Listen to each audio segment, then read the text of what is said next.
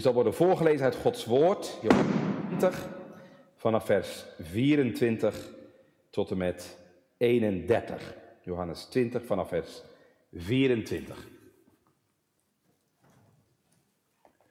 En Thomas, een van de twaalfen, gezegd Didymus, was met hen niet toen Jezus daar kwam.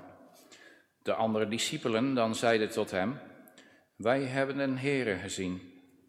Doch hij zeide tot hen, indien ik niet zijn handen niet zie, het teken der nagelen, en mijn vingers steken in het teken der nagelen, en steken mijn hand in zijn zijde, ik zal geen zins geloven.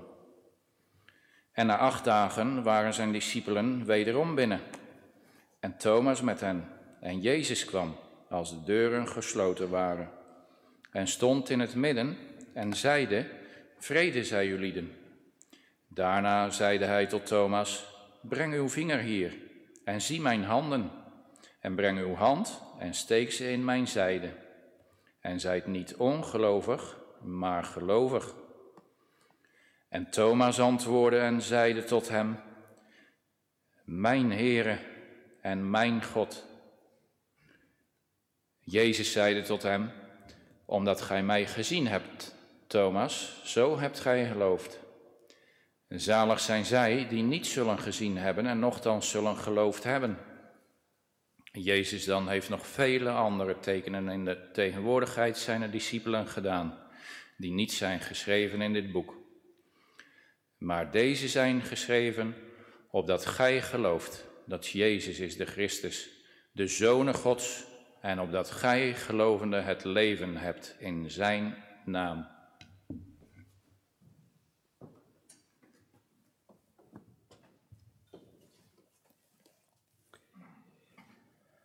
Gemeente, jongens en meisjes, als ik hier eh, vanmorgen de kerk inkijk vanmorgen, dan zie ik maar een paar mensen.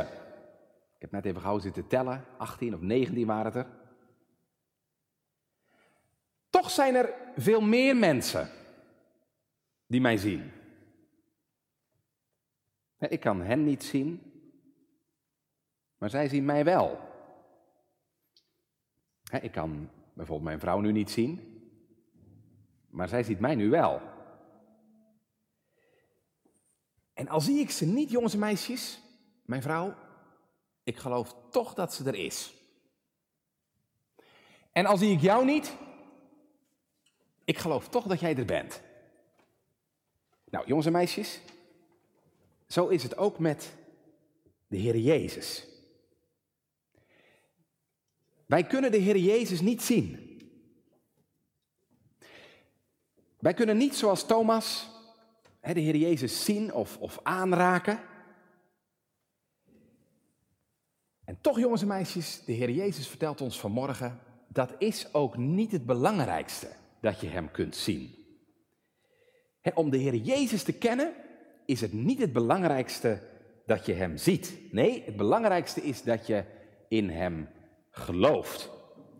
En dat je weet, al zie ik Hem niet, ik heb Hem toch lief. Peter zegt dat zo mooi hè, in zijn zendbrief.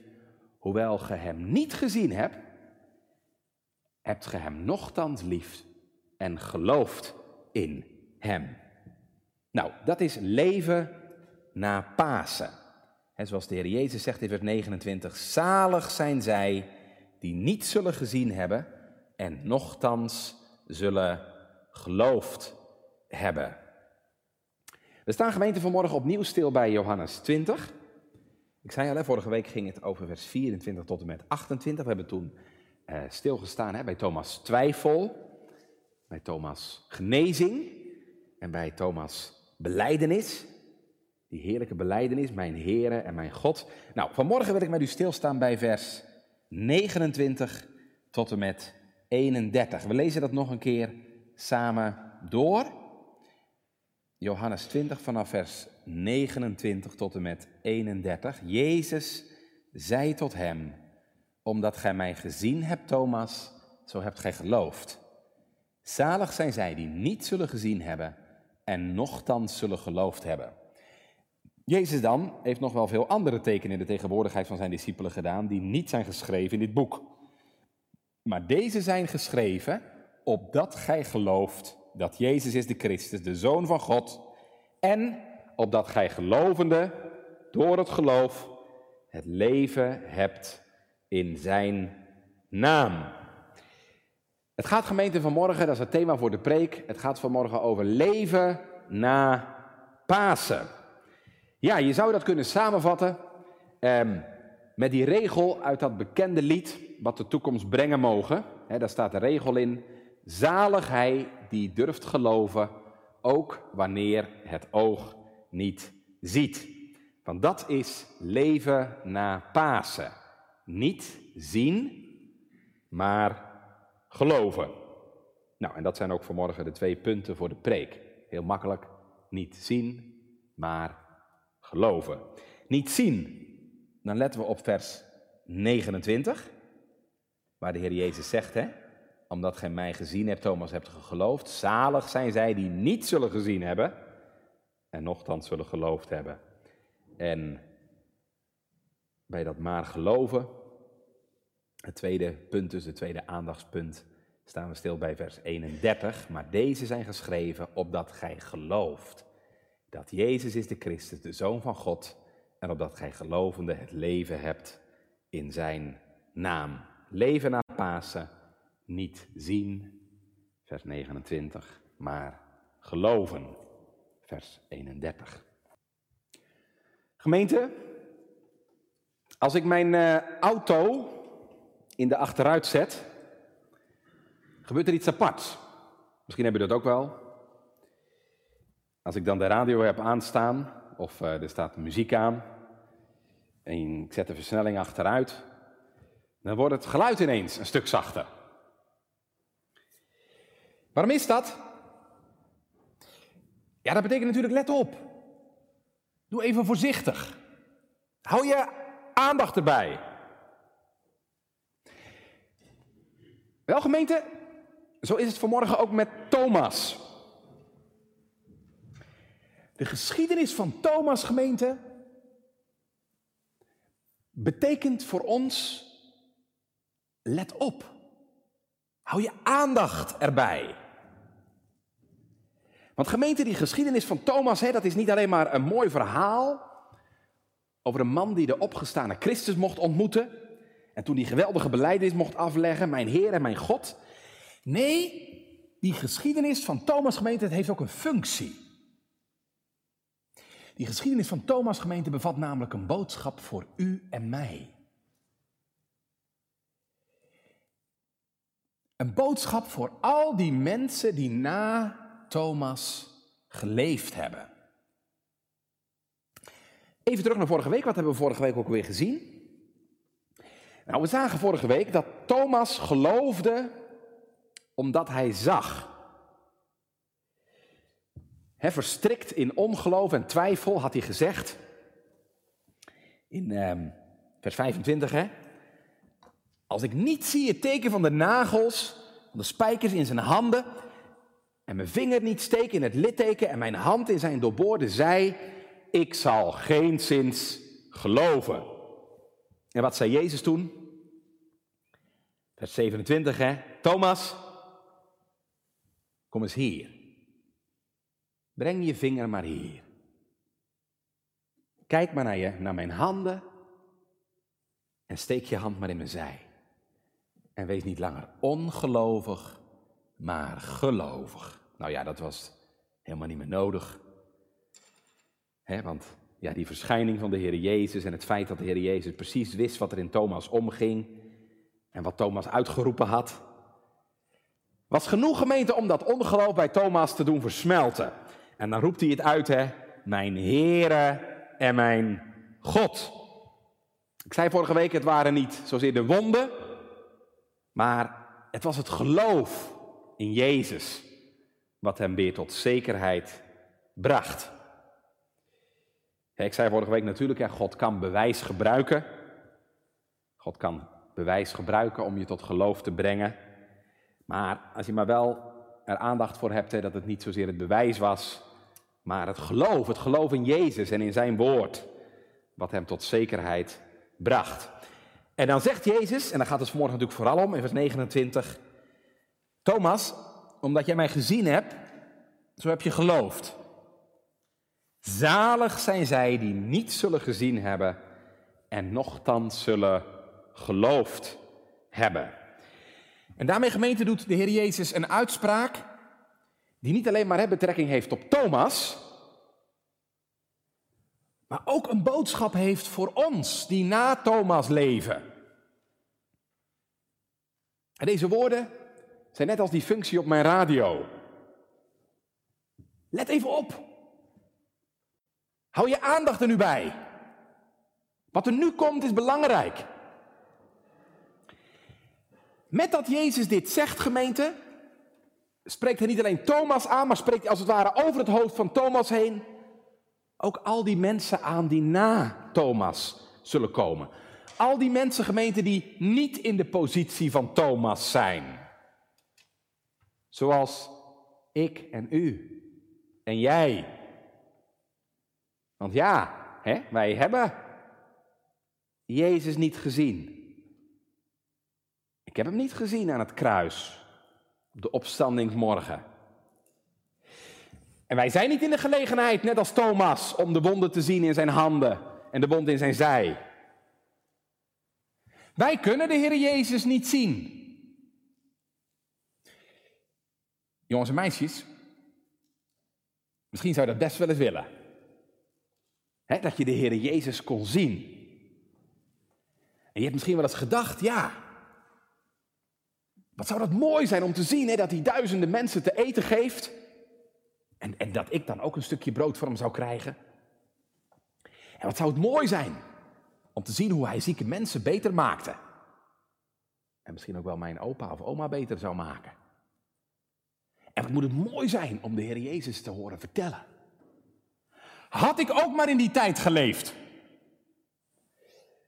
Maar ja, je leeft niet in die tijd, je leeft in 2020. Maar jongens en meisjes, nou zegt de Heer Jezus vanmorgen dat dat helemaal niet belangrijk is. Dat dat helemaal niet geeft dat jij hem niet kunt zien. Want gemeente, het is namelijk helemaal niet essentieel, helemaal niet belangrijk om de Heer Jezus te zien, om hem toch te kunnen kennen. Wat is dan wel belangrijk? Geloof dat je in Hem gelooft. Zalig, zegt Jezus, zijn zij die niet zullen gezien hebben en nochtans zullen geloofd hebben.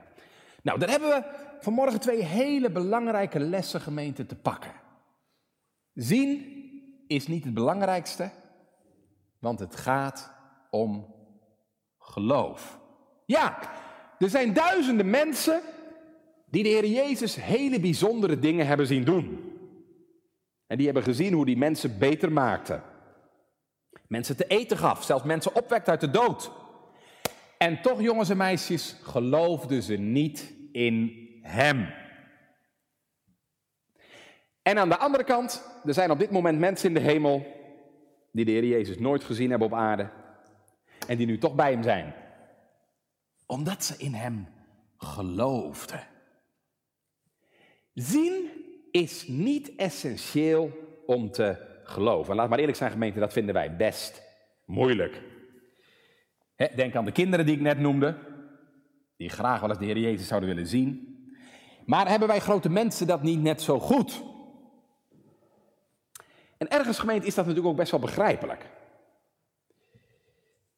wij zijn zintuigelijke mensen.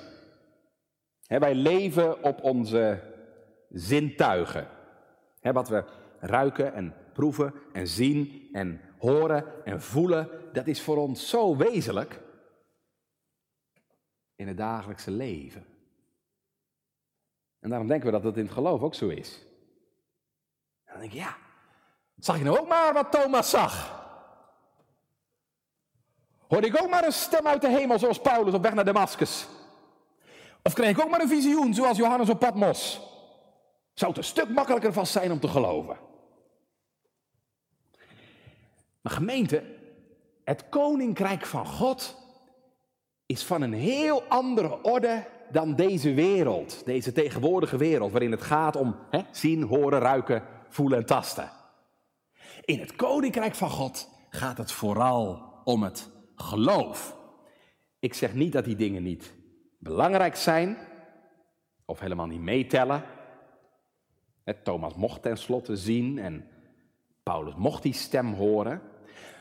Maar het heeft niet de boventoon. Ik bedoel, u kunt prima een christen zijn zonder ooit een van deze dingen mee te maken. God kan dat natuurlijk doen in mensenlevens, maar dat is eerder uitzondering dan regel. En ik kan u garanderen, het zal u ook niet uit de hemel houden als u zoiets nog nooit hebt meegemaakt, als Paulus of Thomas of Johannes op Patmos. Wat u wel uit de hemel houdt, gemeente, is uw gebrek aan geloof. En daarom, gemeente, sta niet naar visioenen, stemmen, briefjes uit de hemel, donderslagen en regenbogen. Want die zult u hoogstwaarschijnlijk niet krijgen. En als u ze wel krijgt, dan moet je nog maar afvragen wat van God is. Ik zou zeggen, sta veel meer naar een waar geloof. Dat u aan Christus en al zijn weldaden verbindt. Sta niet naar zien, maar naar geloof. ik zei vorige week, waar de wereld zegt, eerst zien en dan geloven, laat me het eerst maar eens zien, dan zal ik misschien wel geloven, is het in het koninkrijk van God precies andersom. Eerst geloven en dan zien. Ja, toch zien. Maar gemeente dan niet een zien met je ogen, maar een zien met geloofsogen. Het speurtje noemde het geloof is een zesde zintuig. Een zesde zintuig, waardoor je oog krijgt voor de dingen van de Heer. En waardoor de dingen van het Koninkrijk van God een levende werkelijkheid voor je worden. Daar zorgt het geloof voor. Dan ga je als het ware zien wat onzichtbaar is. Dat wordt dan toch heel reëel en werkelijk voor je. We lezen, we lezen in Hebreeën 11 van Mozes dat hij leefde als ziende de onzienlijke, als ziende de onzichtbare. Hij zag hem niet en hij zag hem toch. Want hij zag hem met geloofsogen. Ik las van de week aan tafel met de kinderen van de verspieders. En u weet hè, sommige van die verspieders zagen alleen maar reuzen. En ze waren bang. Maar Jozua en Caleb zagen nog wat anders. Die zagen achter die grote reuzen een nog grotere God. Of denk even aan Petrus. Hij liep op de golven. Dat kan toch helemaal niet? Ja, maar Petrus zag meer dan de golven. Hij zag de levende Christus. En hij zag de macht van Christus. Zie je? Door het geloof krijg je andere ogen. Ga je zien wat anderen niet zien. Gemeente, er zijn hier vanmorgen in dit gebouw engelen.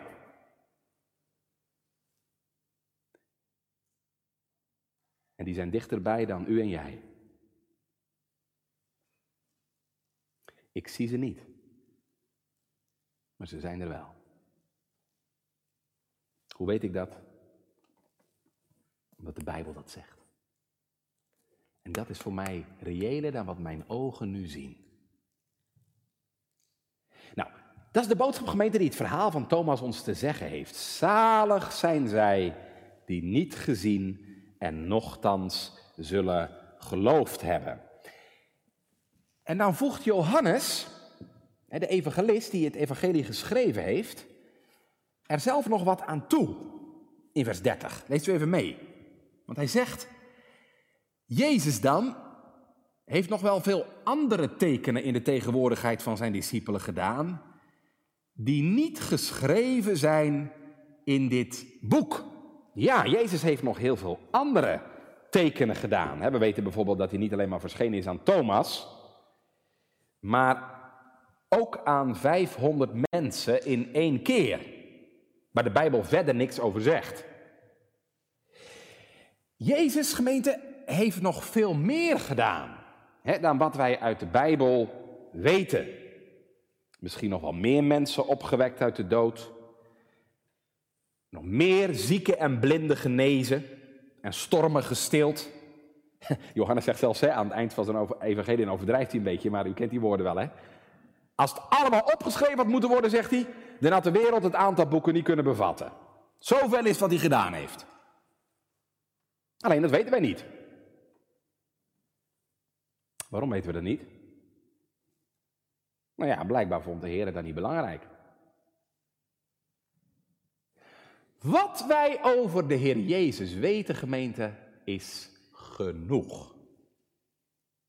Wat we over de Heer Jezus weten is voor ons genoeg. De Heer Jezus heeft genoeg gedaan en hij heeft genoeg gezegd en gesproken om te laten zien dat hij de Messias is, de Zoon van God, de zaligmaker der wereld. En daarom zegt Johannes erachteraan, hè, vers 31, maar deze zijn geschreven, opdat gij gelooft dat Jezus is de Christus, de Zoon van God. Dus gemeente, het belangrijkste voor ons, hè, wij die leven na Pasen, is dus niet dat we Jezus zien. Ook niet dat we alles weten wat Jezus gedaan heeft. Nee, het belangrijkste is dat je in Hem gelooft. dat wij, wat de apostelen hier opgeschreven hebben en ons verteld hebben over de Heer Jezus in de Bijbel, dat wij dat geloven en zo, vervolgt vers 31, zo door het geloof het leven hebben in Zijn naam. Dat is leven na Pasen. Niet zien, maar geloven. En zoals ik al zei, dat is onze tweede gedachte. We hebben eerst even stilgestaan bij niet zien. Gaan we nu naar onze tweede gedachte, maar geloven. En ik wil daar gemeente over dat geloof in het vervolg van deze preek graag drie dingen over zeggen. Ik wil met u nadenken in de eerste plaats wat we dienen te geloven. In de tweede plaats kijken we wat het gevolg daarvan is. En tenslotte waarom dat nodig is. Waarom dat geloof nodig is. Dus wat we dienen te geloven, wat het gevolg daarvan is en waarom dat nodig is. Nou, de eerste vraag die zich aandient is: wat dienen wij na Pasen te geloven? We hebben net gezien in onze eerste gedachte. Na Pasen gaat het om geloof dat niet ziet. Want dat kan niet meer. Paulus zegt in de Korinthebrief: Wij kennen Christus niet meer naar het vlees. Dus het gaat niet om een geloof dat ziet, maar om een geloof dat gelooft op grond van wat de apostelen ons verteld hebben over de Heer Jezus Christus. En hoe weten we dat? Hoe weten we dat? Waar kunnen we dat vinden? Hier. Hier, in dit boek gemeente, de Bijbel, het woord van God, vindt u het getuigenis van de apostelen over Christus de Zoon van God. De apostelen, Matthäus, Johannes en ook hun leerlingen, Marcus en Lucas, hebben ons hier in de Bijbel een betrouwbaar verslag gegeven ja, van wie Jezus is, wat hij gezegd heeft en wat hij gedaan heeft. En gemeente, wij geloven dat is niet zomaar een verhaal. Nee, geloven dat dat opgeschreven is onder leiding van de Heilige Geest, zodat we mogen weten dat dit het betrouwbare, geïnspireerde getuigenis is van de Heer Jezus Christus. En gemeente, daar hebben we genoeg aan. Ik bedoel, meer hoeft u niet te weten. Meer hebt u niet nodig om te weten wie Christus is. Hier staat alles in, gemeente, wat u nodig hebt. En daar hebt u voor heel uw leven genoeg aan. De Heilige Geest, ik zei het net al, heeft de apostelen in alle waarheid geleid. En zij hebben voor ons op mogen schrijven eh, wie de Heer Jezus is, wat hij gezegd heeft en wat hij gedaan heeft. Nou, en wat is daar dan de kern van? Wat is daar de centrale inhoud van, van wat de apostelen hebben opgeschreven in de Bijbel? Er staat hier in onze tekst, vers 31, dat Jezus is de Christus, de Zoon van God. En lees de evangelie en wiens naam komt u op elke bladzijde tegen? Jezus. Tuurlijk, we komen nog heel veel andere namen tegen, hè? Jozef en Maria, en de discipelen en de schriftgeleerden en Pilatus. Maar het draait om Jezus. Hij is dat stralende middelpunt van de evangelie. Ja, van heel de Bijbel. En die evangeliegemeente en die Bijbel, die heeft maar één bedoeling. Kijk maar mee. Deze zijn geschreven opdat gij gelooft. Dat Jezus is de Christus, de Zoon van God. De Christus, de Messias, de beloofde zaligmaker, die in het Oude Testament al aangekondigd is, in wie al Gods beloften ja en amen zijn, de Zoon van God, die voor ons mens en onze zaligheid mens is geworden, hij is het stralende middelpunt van de Bijbel. Maarten Luther vergelijkt de Bijbel ergens met de kribben van Bethlehem. En de Heer Jezus met het kind in de kribbe. En het gaat natuurlijk om dat kind. wij aanbidden niet de kribbe. We aanbidden niet de Bijbel. Hoeveel liefde we voor het woord ook mogen hebben. Maar we aanbidden het kind in de kribbe. Want gemeente, zeg nou zelf, wat zou de Bijbel toch zijn zonder Jezus? Ja, dan is het een lege huls. Hoe belangrijk de Bijbel ook is, het gaat uiteindelijk niet om de Bijbel, maar het gaat om Christus. Hè? Een christen heeft de Bijbel lief, heeft eerbied en hoogachting voor de Bijbel, omdat hij daar zijn zaligmaker in vindt. Ik heb het al eens verteld, hè? Bijvoorbeeld van John Stott. John Stott gebruikt ergens het voorbeeld van een jongen die verliefd is. De jongen is uh, smoor verliefd op zijn vriendin en hij heeft een foto van haar. En als niemand kijkt, dan geeft hij die foto misschien wel eens een kus. Maar hij houdt natuurlijk niet in de eerste plaats van die foto. Hij houdt van dat meisje, die foto. Nou, zoals ook met de Bijbel. Een christen houdt van de Bijbel omdat je hem lief hebt over wie het in de Bijbel gaat. Ja, en als dat bij u nog niet zo is, dan moet ik u zeggen, dan leest u de Bijbel nog niet goed. Christus is de schat in de akker. De akker is het woord. Maar het gaat erom dat u in die akker Christus vindt. Je hebt mensen die lezen hun hele leven in de Bijbel. Maar ze vinden Christus er niet in. Wat is dat aangrijpend, gemeente? Ze zijn tevreden met de akker. Maar de schat zien ze niet. En daarom gemeente, oh bid toch. Dat je bij het lezen van de Bijbel Christus mag zien. Want het gaat om Hem in dit boek. En we kunnen Hem ook niet anders kennen dan door de Bijbel, dan door het Woord. En daarom is die Bijbel zo belangrijk. Het is wel niet de schat, maar het is wel de akker waar de schat in ligt. En u kunt de schat alleen vinden in deze akker. En daarom, gemeente, is het natuurlijk ook zo belangrijk hoe je met dat woord omgaat. Hoe gaat u met het woord om? Leest u erin? Elke dag? En, en bidt u dat de Heilige Geest u helpt om het woord te verstaan? En bid je dat je de schat mag zien en de schat mag vinden?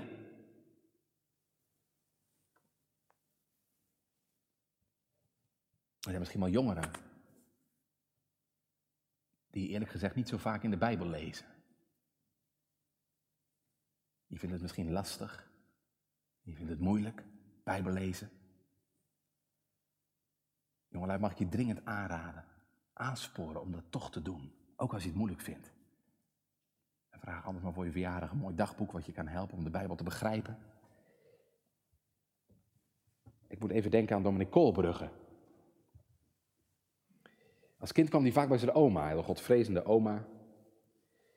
En bij oma thuis hingen allemaal tegeltjes bij de kachel. Met plaatjes uit de Bijbel. De verhalen van de Bijbel. En oma vertelde de verhalen uit de Bijbel aan de hand van die tegeltjes. Daar als kind heeft Kolbrugge de Bijbel al lief gekregen. En toen werd hij later groot, en kon hij natuurlijk zelf lezen, kon hij zelf de Bijbel lezen. En toen zei zijn oma, Herman, wat je nou niet begrijpt, laat dat maar liggen. En als jij iedere dag vlijtig leest, zal ik voor je bidden. En dan ben ik er zeker van dat die goede God jou zoveel duidelijk maakt als jij nodig hebt. Wat een mooi advies. Als je het moeilijk vindt, lees maar wat je begrijpen kunt. En wat je nog niet begrijpt, laat dat maar liggen.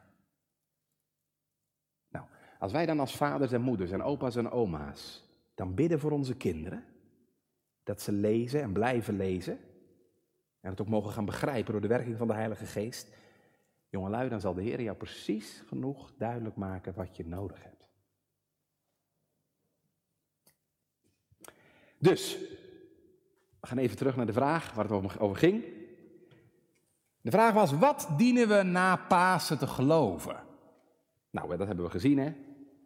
Na Pasen dienen we te geloven wat de apostelen getuigd hebben over de Heer Jezus en wat u beschreven vindt in de evangeliën en waarvan de Heer Jezus Christus het stralende middelpunt. Ja, en wat is daar dan het gevolg van? Nou, dat lezen we in het laatste stukje van de tekst. Lees maar mee. Deze zijn geschreven opdat gij gelooft dat Jezus is de Christus, de Zoon van God. En dan komt het. En opdat gij gelovende, dus door te geloven, het leven hebt in zijn naam. Geloof in de Heer Jezus Christus leidt tot leven. Dan krijg je het leven, staat er hier. Wat een wonder, gemeente. Want u weet wel, wij zijn het leven kwijtgeraakt. In het paradijs zijn wij het leven kwijtgeraakt. Het kwam tot een breuk tussen God en ons. En nu zijn we afgesneden van de bron van het leven. Want God zei, je zult de dood sterven. En niet alleen ons lichaam moet eenmaal sterven, maar zonder levende relatie met God zijn we ook aan de eeuwige dood onderworpen. Maar gemeente, nou is Christus naar deze wereld gekomen. En wie is Christus, jongens en meisjes? Christus gemeente is het leven. Zo is Johannes Evangelie begonnen, hè? Johannes 1 vers 4 al gelijk. In hetzelfde was het leven. En hoor Christus getuigen in Johannes 11. Ik ben de opstanding en het leven. Ja, dat was nog voor Pasen toen Jezus dat zei. Ik ben het leven. En u weet wat er daarna gebeurd is. Jezus, het leven, stierf. Ja, hij stierf onze doodgemeente om ons het leven te kunnen geven. Ja, dat moest. Want dode zondaren kunnen alleen het leven krijgen als er iemand is die hun dood sterft, hun oordeel draagt. En dat heeft Jezus gedaan. Het leven droeg onze dood. Om zo dode zondaren het leven te kunnen schenken. Hij moest onze dood sterven. Om ons het leven te kunnen schenken. En nu zegt onze tekst hè, dat wij gelovende, dus door het geloof, het leven hebben. In zijn naam, in hem betekent dat. Je zegt misschien waarom? Waarom krijg je nou het leven door te geloven in de Heer Jezus? Waarom krijg ik dode zondaar het leven terwijl Christus toch het leven is? Wel gemeente, omdat dat geloof je verbindt aan Hem. Kijk, door het geloof wordt er een verbinding gelegd tussen Christus en uw ziel. En komt dat leven van Hem ook in u? Mag je delen in dat leven van Hem? En daarom zegt diezelfde Johannes ook in zijn zendbrief: hè, Wie de zoon heeft, die heeft het leven. En we horen Paulus getuigen in Galaten 2. Ik leef niet meer, maar Christus leeft in mij. En wat ik nu leef, dat leef ik door het geloof in de Zoon van God. Een kind van God, die door genade de Heer Jezus kent en in Hem gelooft. Die mag delen in dat leven wat Christus geeft. En gemeente, dat is niet alleen maar iets voor de toekomst. Nee, dat is nu al zo. Het is niet alleen maar wie in mij gelooft zal leven.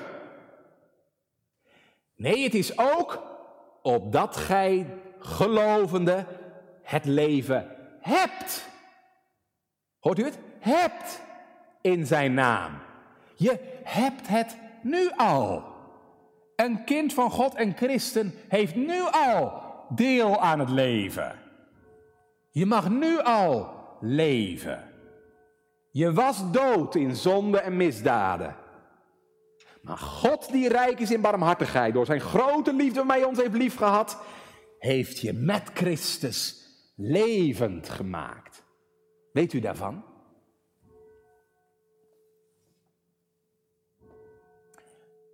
Heb je de dood ontdekt bij jezelf? Maar ook is de Heer Jezus je onuitsprekelijk dierbaar geworden. Is Hij voor u, zoals hier staat, de Christus, de zaligmaker geworden? Die u nodig kreeg? Die je nodig kreeg als uw profeet om uw onkunde weg te nemen? Die je nodig kreeg als je priester voor de verzoening van je zonde? Die je nodig kreeg als je koning, om voortaan niet langer meer naar, het, naar je eigen goeddunken te leven, maar te leven onder zijn macht en heerschappij. Gemeente, kunt u nou, net als Thomas, zeggen, mijn Heer en mijn God? Kunt u zeggen, hoewel u hem niet hebt gezien zoals Thomas, dat u hem nochtans lief hebt en in hem gelooft en u verheugt met een onuitsprekelijke en heerlijke vreugde. Als dat zo is, gemeente, dan heb je deel gekregen aan het leven.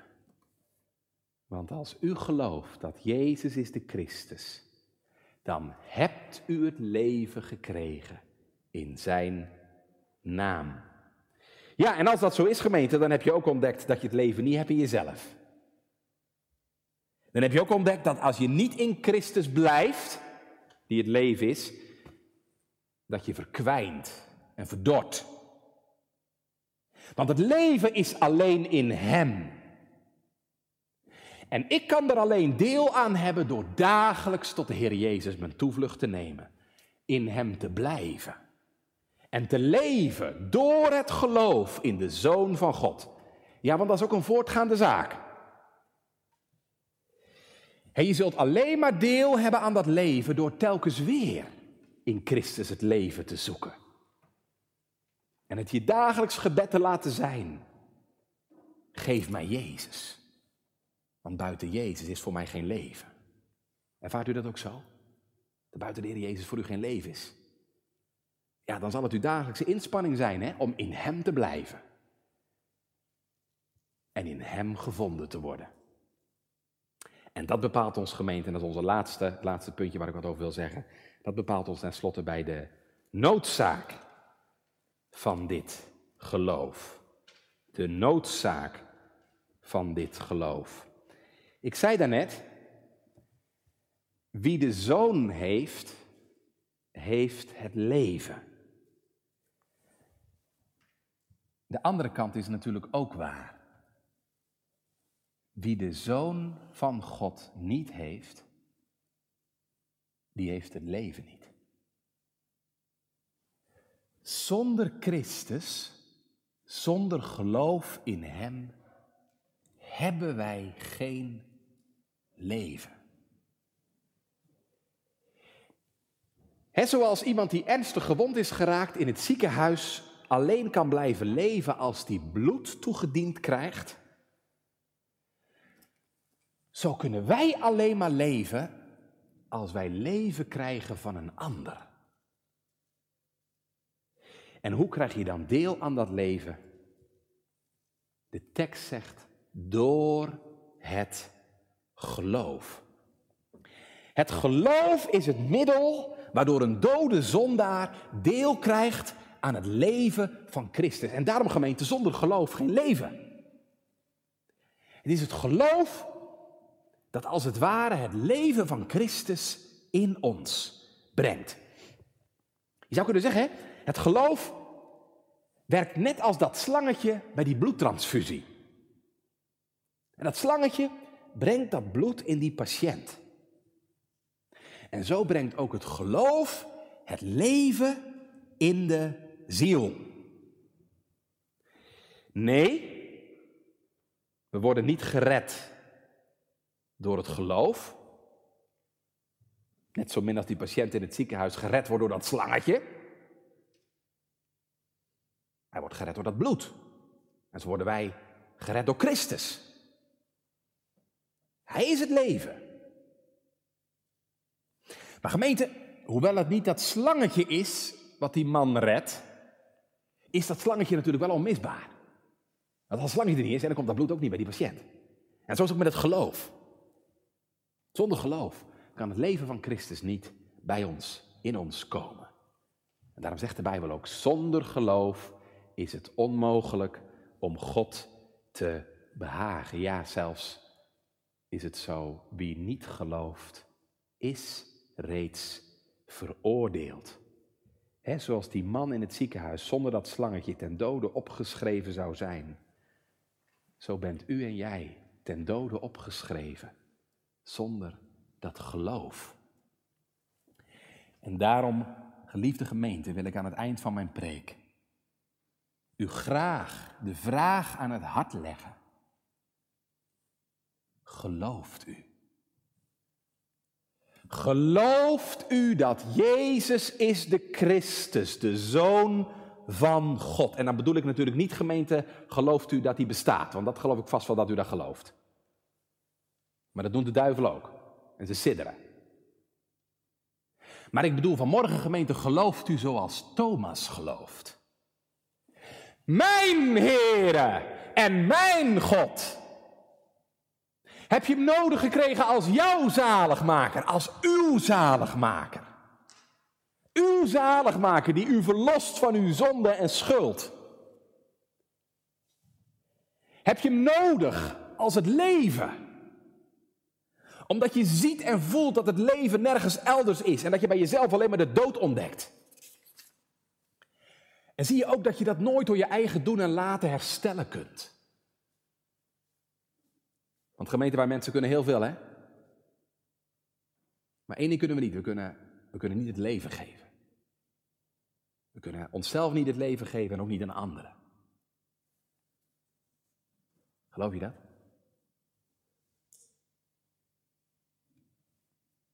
Oh, er zijn er vanmorgen die dat ontdekt hebben.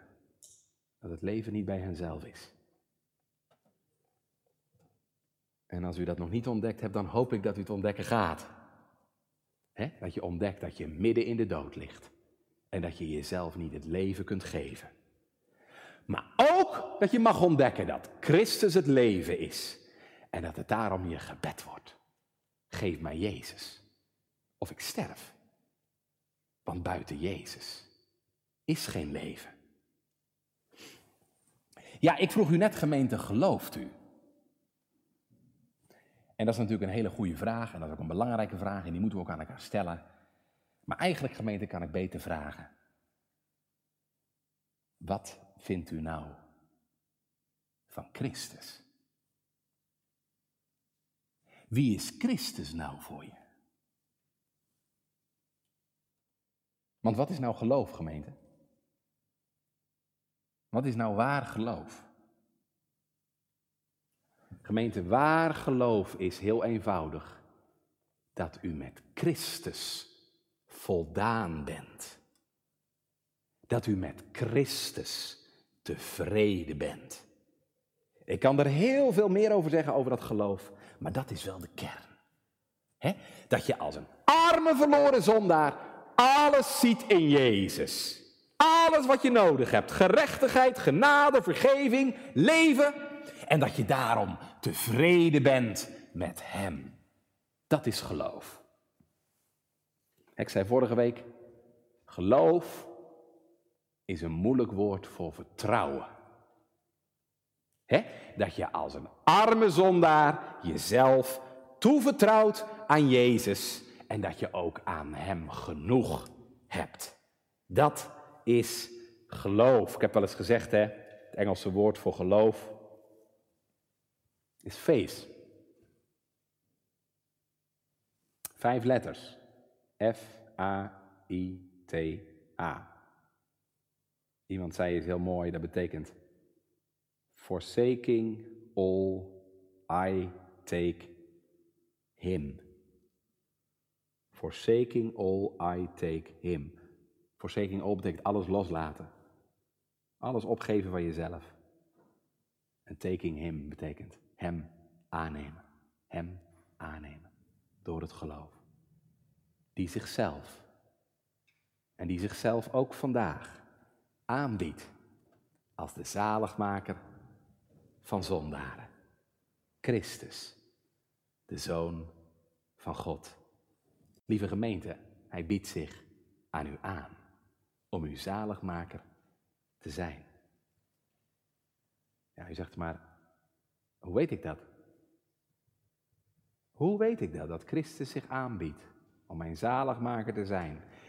Lieve gemeente, dat mag u weten op grond van dit woord. U hoeft niet in de hemel op te klimmen om Jezus te zien. U hoeft niet naar Jeruzalem. U hoeft niet de zee en de oceaan over te steken. Nabij u is het woord. Hij komt tot ons in zijn woord. En hij spreekt tot ons door zijn woord, ook vanmorgen. En hij wil dat u hem gelooft. Want dit is zijn gebod. Dat wij geloven in de naam van zijn zoon Jezus Christus. Durft u dat gebod naast u neer te leggen? Durft u het gebod van God de Vader naast u neer te leggen? Dit is zijn gebod, dat gij gelooft in de naam van Jezus Christus, zijn Zoon. Ja, zegt u. Maar hoe weet ik dan dat hij ook mijn zaligmaker wil? Ik geloof wel dat hij de zaligmaker is en ik geloof wel dat hij zichzelf aanbiedt, maar is dat nou ook voor mij? Wil hij nou ook mijn zaligmaker zijn? Hoe weet ik dat? Zelfde antwoord gemeente. Dat mag u weten op grond van dit woord. Want dit is een getrouw woord en alle aanneming waardig. Jezus Christus in de wereld gekomen is. Om zondaren zalig te maken. En dit is geschreven opdat gij gelooft dat Jezus is de Christus, de Zoon van God, en opdat u gelovende het leven hebt in zijn naam. Amen.